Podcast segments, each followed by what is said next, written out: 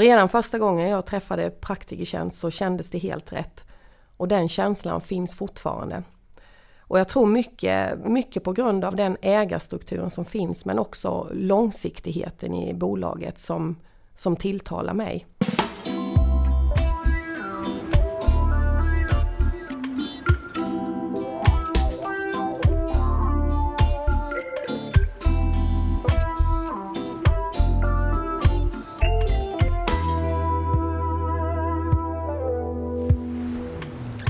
Varmt välkomna till podden Vårdfrågan, en podd från Praktikertjänst om bättre vård.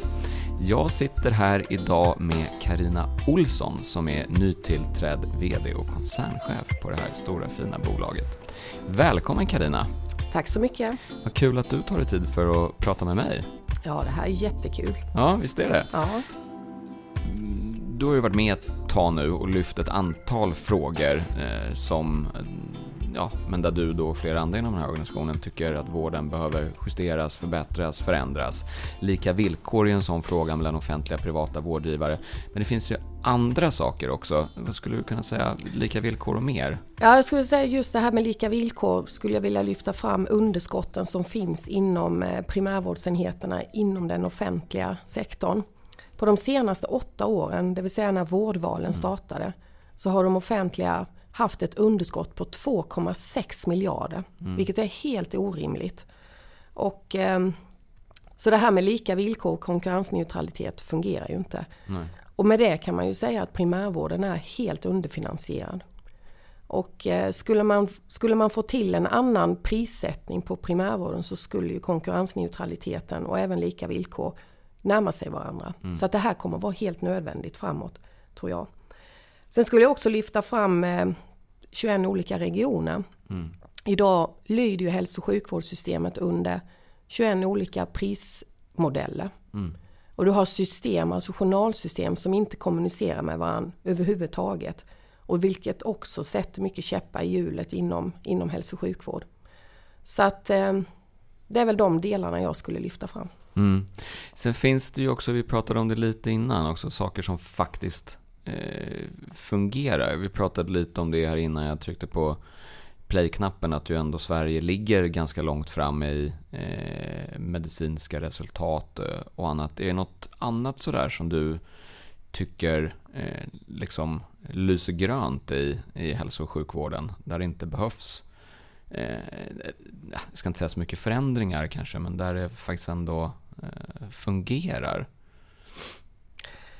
Ja, jag tycker att det är mycket som fungerar inom vården men eh, det som debatteras och det det skrivs om är ju faktiskt det som inte fungerar. Jag skulle säga att professionen, det vill säga alla, alla medarbetare som jobbar inom vården och möter patienterna. Där finns det ett väldigt stort ansvarstagande gentemot patienterna som fungerar. Och alla får ju faktiskt vård som behöver vård i Sverige.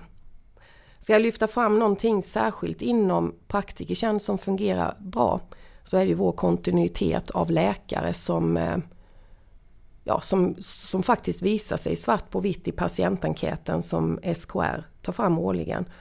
Sen är vi ju duktiga generellt på att eh, lyfta fram digitala lösningar inom vården. Vi testar oss fram och där det fungerar för både medarbetare och patienter, ja då genomför vi det i pilotskala. Så att vi tar oss framåt Mm. Så att um, det, är, det är mycket som fungerar. Mm.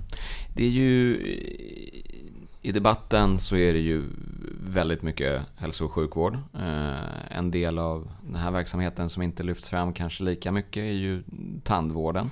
Mycket kanske därför att den upplevs fungera väldigt väl. Vi har ju exempelvis Svensk kvalitetsindex som ju varje år gör nöjdhetsmätningar där ju tandvården ligger ju eh, väldigt högt jämfört med många andra branscher.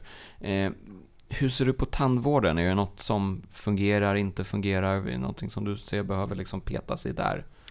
Ja, först vill jag säga, vi håller ju helt med om att eh, Sverige har ju bland den bästa tandhälsan och tandvården i världen. Och det är ju bland annat en rapport som Socialstyrelsen också har presenterat. Ehm, jag skulle nog säga att det viktigaste inom tandvård det är att inte peta för mycket. Mm. Det, det mesta det fungerar precis som du säger otroligt väl. Men om jag ska nämna någonting så är det kanske att riktade insatser borde göras till mer grupper där behovet är som allra störst. Det kan vara äldre och pensionärer men också socialt utsatta. För det är där ofta det finns ett, ett större tandvårdsbehov. Mm. Så lite mer riktade insatser men som sagt det fungerar väldigt väl. Mm. Jag kan också säga att du nämnde ju den här patientnöjdheten enligt Svensk kvalitetsindex. Praktikertjänst som företag ligger ju i topp där mm. och har gjort i många, många år. Kan vara värt att nämna i den här podden. Det är verkligen värt att nämna överallt, inte mm, bara den här podden. Absolut. Eh, men du, jag, jag, tänkte också, nu har vi ju nämnt saker som fungerar och inte fungerar eh, och sådär. Hur tänker du i din roll som chef för den här firman tar dig an de utmaningarna? Vad, eh, vad kan du göra, eller vi göra tillsammans? För det är ju inte bara du ensam som ska axla eh, de här utmaningarna. Vad, vad, gör, vad gör du exempelvis? Kan du något exempel på det? Jag tror att det är fortsatt viktigt att eh, praktikertjänst är med i opinionen, att ha en åsikt, att finnas, finnas där beslutsfattarna mm. finns inom, inom den här branschen. Men jag tror också det är väldigt viktigt att eh, finnas nära delägarna i det här bolaget.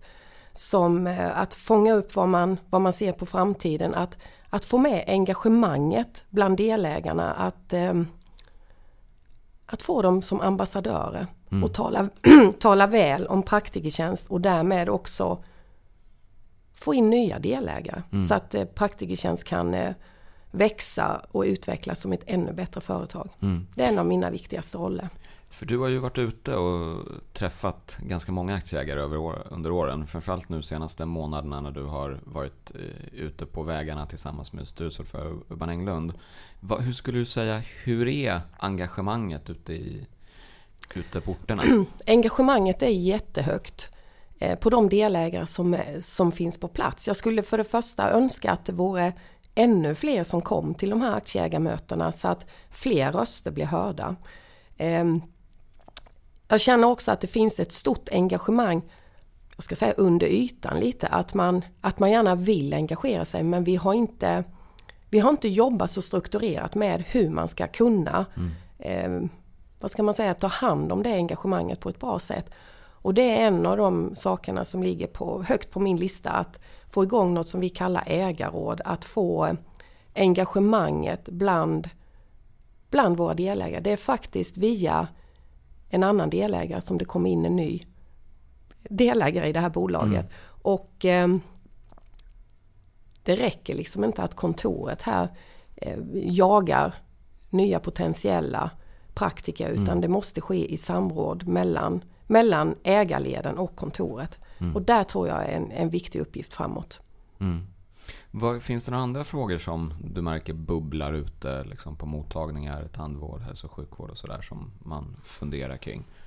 En sak som alltid diskuteras på, på ägarmötena är ju den service man får från, från kontoret ute mm. till, till verksamheterna. Vilken tillgänglighet vi har, vilken kompetens och servicenivå som, som kontoret kan leverera. Den finns alltid med på agendan. Eh, sen är man generellt nöjd med den eh, moderbolagsfokusering och eh, de planerna vi har lagt för framtiden inom praktikertjänst mm. och de fokusområden som vi diskuterar. Så att det finns en det finns en nöjdhet i botten och ett lugn som, som, som känns väldigt bra. Mm. Men det är klart att det finns alltid förbättringar som kan göras och det ska vi också mm. självklart göra.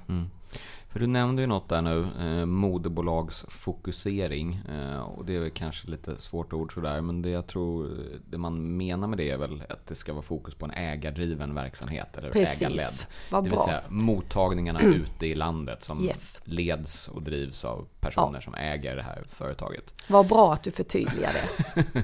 Tack. Eh, men jag, jag tänkte, anledningen till att jag ville gå lite in på det är ju för att det skedde ju en lite större nyhet här för någon, eh, ja, ganska nyligen där det skedde en försäljning av en större del av eh, Praktikertjänst av dotterbolagskoncernen Proliva. Berätta gärna lite mer om det. Ja, helt enkelt beslutet var väl moget att ta. Vi, eh, vi valde ju att i, efter första tertialet att bilda en Proliva-koncern där vi samlade alla våra 12 dotterbolag inom specialistvården i en egen koncern.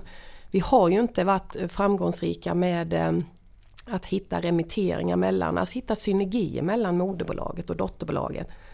Så att eh, detta var ett sätt att eh, satsa på, Poliva-koncernen. Och sen eh, har, väl, har väl tankarna mognat fram att eh, långsiktigt kanske inte vi är den bästa ägaren för Poliva utan det kanske skulle kunna utvecklas ännu bättre i en annan ägarkonstellation. Så att eh, när det väl kom en, en köpare som, som motsvarade våra krav på köpesumma så valde styrelsen att acceptera budet och därmed såldes hela koncernen mm. för någon vecka sedan. Mm. Och vilka var den såldes till? Den såldes till Triton som mm. också förvärvade Aleris. Vad kan det vara? Ja, det var, affären var väl klar efter sommaren men jag tror själva övertagandet skedde här nu för någon månad sedan. Mm. Så att eh, det blir en jättebra och långsiktig ägare för, för bolaget. Och vad, vad tänker du om eh, Praktikertjänst då efter att det här är klart? Praktikertjänst kommer att kunna fokusera helt och hållet på ägarverksamheten precis som du var inne på. Mm. Och det är precis det jag menar med den moderbolagsoptimering som vi kallar det. Att kunna ta ägarverksamheterna till nästa nivå, att säkerställa att det utvecklas på rätt sätt, att vi, att vi börjar växa, att vi blir fler delägare. Mm. Och ehm, ja, ta den strategi som man faktiskt beslutade om på strategimötet i juni tillsammans med styrelsen. Mm. Så jag tror att det här blir väldigt bra för Praktikertjänst. Mm.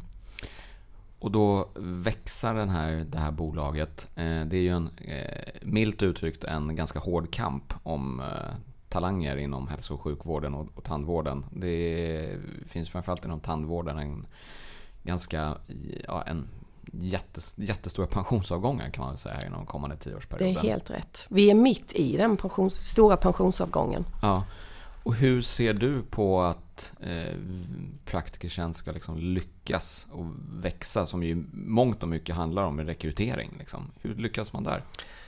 Ja, alltså vi har ju som vision att vara Sveriges mest attraktiva företag. Och lyckas vi med det så är ju egentligen svaret där. Men eh, vi har ju ett erbjudande inom Praktikertjänst som ingen annan, inget annat bolag kan erbjuda. Du blir delägare till ett av Sveriges största vårdbolag. Du går in och tar ingen personlig risk ekonomisk alls. Du eh, driver din praktik i princip hur du vill, håller dig inom såklart policy och lagar. Men samtidigt så har du praktikertjänst, stora trygga praktikertjänst i ryggen. Att hjälpa till med allt vad gäller ekonomi, allt vad gäller kvalitet och få annan service och stöttning och utveckling vad du behöver. Så att eh, konceptet, lyckas vi bara få ut konceptet så är det oslagbart. Det finns ingen som kan, eh, som kan erbjuda något liknande. Mm. Det är nästan för bra för att vara sant men det är faktiskt så här bra. Mm. Och när du säger får ut det, hur, hur tänker du då? Jag Kännedom, tänker kom, eller? Ja, ko, ja, kommunicera, att, att få de här potentiella delägarna framåt att förstå hur fantastiskt det här konceptet är.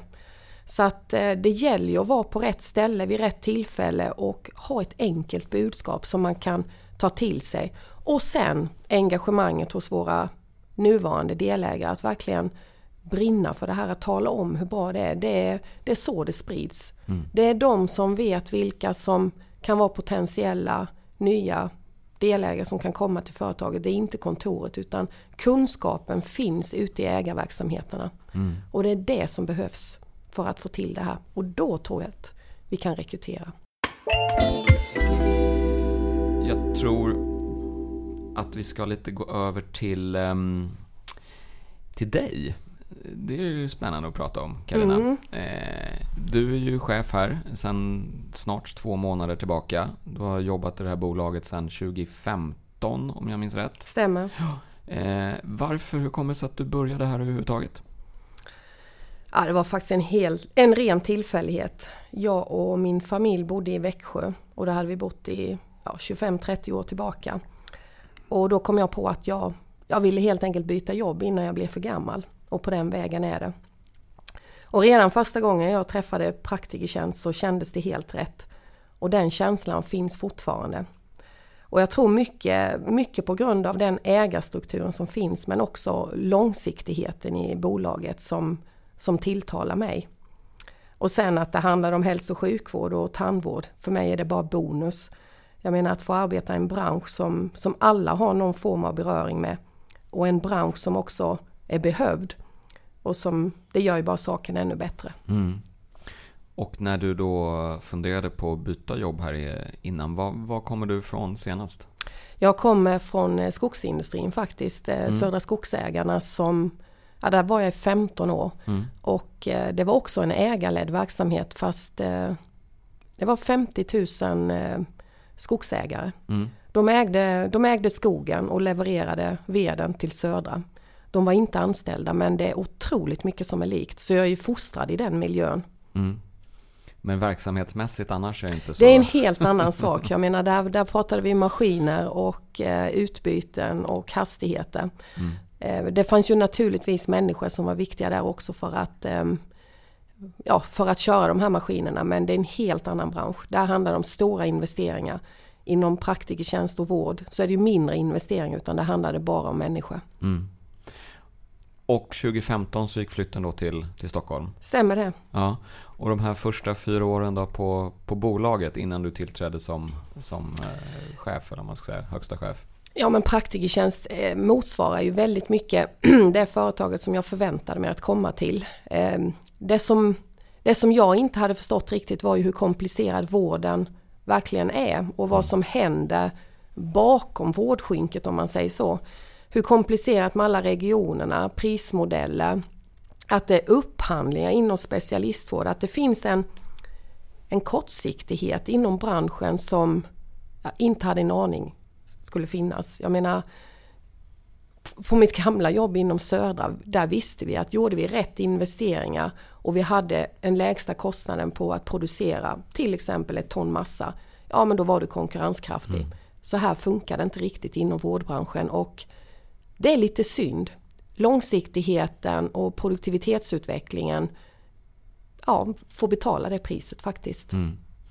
Sen misstänker jag att en annan viktig skillnad är väl hur politiskt styrt ja, framförallt hälso och sjukvården är. Såklart, det skulle jag ju ha sagt som första. Ja. Det räcker ju med att politikerna fattar ett enda beslut så ändras förutsättningarna totalt för det här bolaget. Mm. Ja, inom hela vårdbranschen. Men du, varför um varför valde du att hoppa på chefsjobbet? Ja... Eller kanske någonting man inte tackar nej till? Det kanske bara... Ja men lite så. Frågan kom och eh, jag tog chansen helt ja. enkelt. Det är ingenting som jag överhuvudtaget har tänkt på utan det blev en diskussion med, med Urban som är styrelseordförande och styrelsen och vi har, vi har väldigt lika syn på, på framtiden för Praktikertjänst. Så att ja, jag tog chansen. Mm. Och vad skulle du säga att det är för samsyn? Vad har ni samsyn Nej men just det här med, som jag varit inne på, moderbolagsfokusering, vad mm. vi behöver göra och den planen som ligger. Ehm, ja, jag tror att det här kommer bli jättebra för Praktikertjänst. Mm. Och eh, nästa år, eh, eller 2020 ska jag säga, så är det här bolaget hela 60 år gammalt ska väl förhoppningsvis finnas i ytterligare minst 60 år. Eh, och du kommer ju leda det bolaget i en par av de åren. Kanske inte 60 år, men i alla fall ett, ja. ett, i alla fall ett par år. Och vad, vad, krävs då för att eh, det här ska fortsätta vara liksom en framgångsrik vårdgivare och en liksom attraktiv arbetsgivare för att man ska liksom leverera vård i ytterligare minst 60 år, skulle du säga? En av de viktigaste är ju konceptmodellen som finns inom praktikertjänst och där ägarrollen är helt unik. Och vi kan ju konstatera att efter 60 år så, så fungerar den här modellen fortfarande vilket är helt fantastiskt. Jag menar, det är inte många företag som ens finns i 60 år och där modellen ligger kvar. Men för att finnas i minst 60 år till som är din fråga så ett av det viktigaste är ju att vi kan fortsätta attrahera professionen. Att få in läkare, tandläkare och andra. Och sen tror jag att vi måste göra kloka investeringar i framtiden mm. för att ta det här bolaget vidare. Vi måste helt enkelt vara ett attraktivt, fortsätta vara ett attraktivt vårdföretag. Och det handlar om att stå för en hög kvalitet, driva kontinuerlig utveckling och även ha ett bra ledarskap så vi kan behålla våra medarbetare. Mm. Och vad skulle du säga att det är för nödvändiga investeringar som krävs? Digitalisering är ju någonting som det alltid lyfts fram men en stor del är digitalisering men också IT-plattformar, att man har sunda system som, mm. kan, som kan prata med varandra. Inte bara, journalsystem är ju ett men eh, av de här IT-systemen. Mm. Ja, det finns ju mycket i bakgrunden som man inte Det är mycket i bakgrunden som, som måste fungera och vara effektiva. Ja. Och du nämnde också en annan central sak, eller just frågan kring, kring ledars, ledarskapet. Eh, hur, hur, hur, skulle du säga, hur, hur, viktigt är det och hur fungerar det i ett eh, sånt här ägarlett bolag som, som Praktikertjänst skulle du säga? Ja, alltså oavsett om det är ägarlett eller inte så måste ju ledarskapet fungera tvärs igenom hela, mm. hela företaget. Så att det är en sund, sund arbetsmiljö och att man kan behålla duktiga medarbetare. Och det hänger mycket på ledarskapet. Allt ifrån ute på klinikerna eh, och inne på kontoret också såklart. Så att eh, ledarskapet är en väldigt viktig roll, eller mm. väldigt viktig funktion för mm. att få ett bolag att fungera. Mm. Och du är ju själv chef och har varit det under många, många år. Hur ser du själv på liksom ditt eget ledarskap? Vad, vad är dina, liksom, ditt mantra där, eller man ska säga? Har du något särskilt som du håller i eller vill liksom, äh, arbeta kring? Ja, men mitt, mitt ledarskap bygger ju generellt på att få andra medarbetare att växa och mm och vara var motiverade.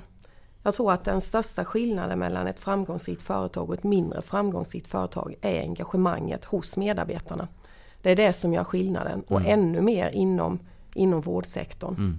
För du pratade också innan om just det här om att skapa engagemang mm. bland medarbetare och andra chefer. Hur, hur gör man det på bästa sätt tycker du?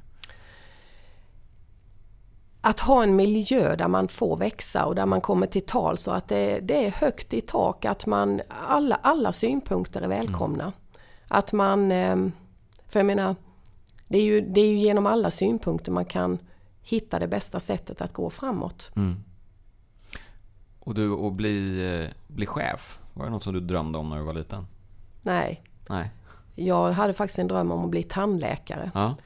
Men eh, det var på den tiden det var, väldigt, eh, det var väldigt gott om tandläkare till skillnad från idag. Så att jag blev varnad att eh, ta inte och gå den där utbildningen. Dels är den ju väldigt lång mm. och dessutom inte få ett jobb efter den. Så jag mm. vågade inte riskera det. Så att, eh, det, det, slutade med att jag hoppade på ekonomi istället. Mm. Och på den vägen har det blivit. Alltså började du jobba med tandläkare sen i alla fall? Ja, ja. Tänk, tänk hur det kan bli. Fem år fram i tiden Eh, vad ser du att du då skulle vilja ha liksom åstadkommit som, eh, som chef här? Oh, det är mycket som jag skulle vilja åstadkommit om, om fem år. Jag börjar med att säga att Praktikertjänst ska ju vara Sveriges mest attraktiva vårdföretag. Vi är ett bolag som har växt vid den tiden och vi kommer att fortsätta växa genom nya delägare. Och där ser jag att våra delägare är delaktiga i allra högsta grad att rekrytera nya. Jag ser att vi är förstahandsvalet hos våra studenter. Det är en förutsättning för att vi ska kunna fortsätta att växa. Jag ser att vi driver utbildning i toppklass. Jag ser att vi har effektiviserat vårdprocesserna ännu mer och bland annat genom att hjälpas åt i det här stora företaget att sprida goda exempel. Självklart så har vi finansiell stabilitet och en god lönsamhet och sen har vi en toppkvalitet och vi kommer att rankas högst av patienterna. Du, det låter ju ändå som en ganska diger, diger lista. Ja, fem år långt fram också. Ja, vad säger du, ska vi följa upp det här om fem år då? Så bockar vi av dem där. Det kan vi gärna göra. Ja. Jag ska försöka hålla track på allt det här. Ja, jag kommer föra bok över vad du har Gör det. med här. Vi ses om fem år, Erik. Det gör vi. Hör du, tack så hemskt mycket för att du tog dig tid att ställa upp på det här samtalet idag. Tack själv för att jag fick möjligheten.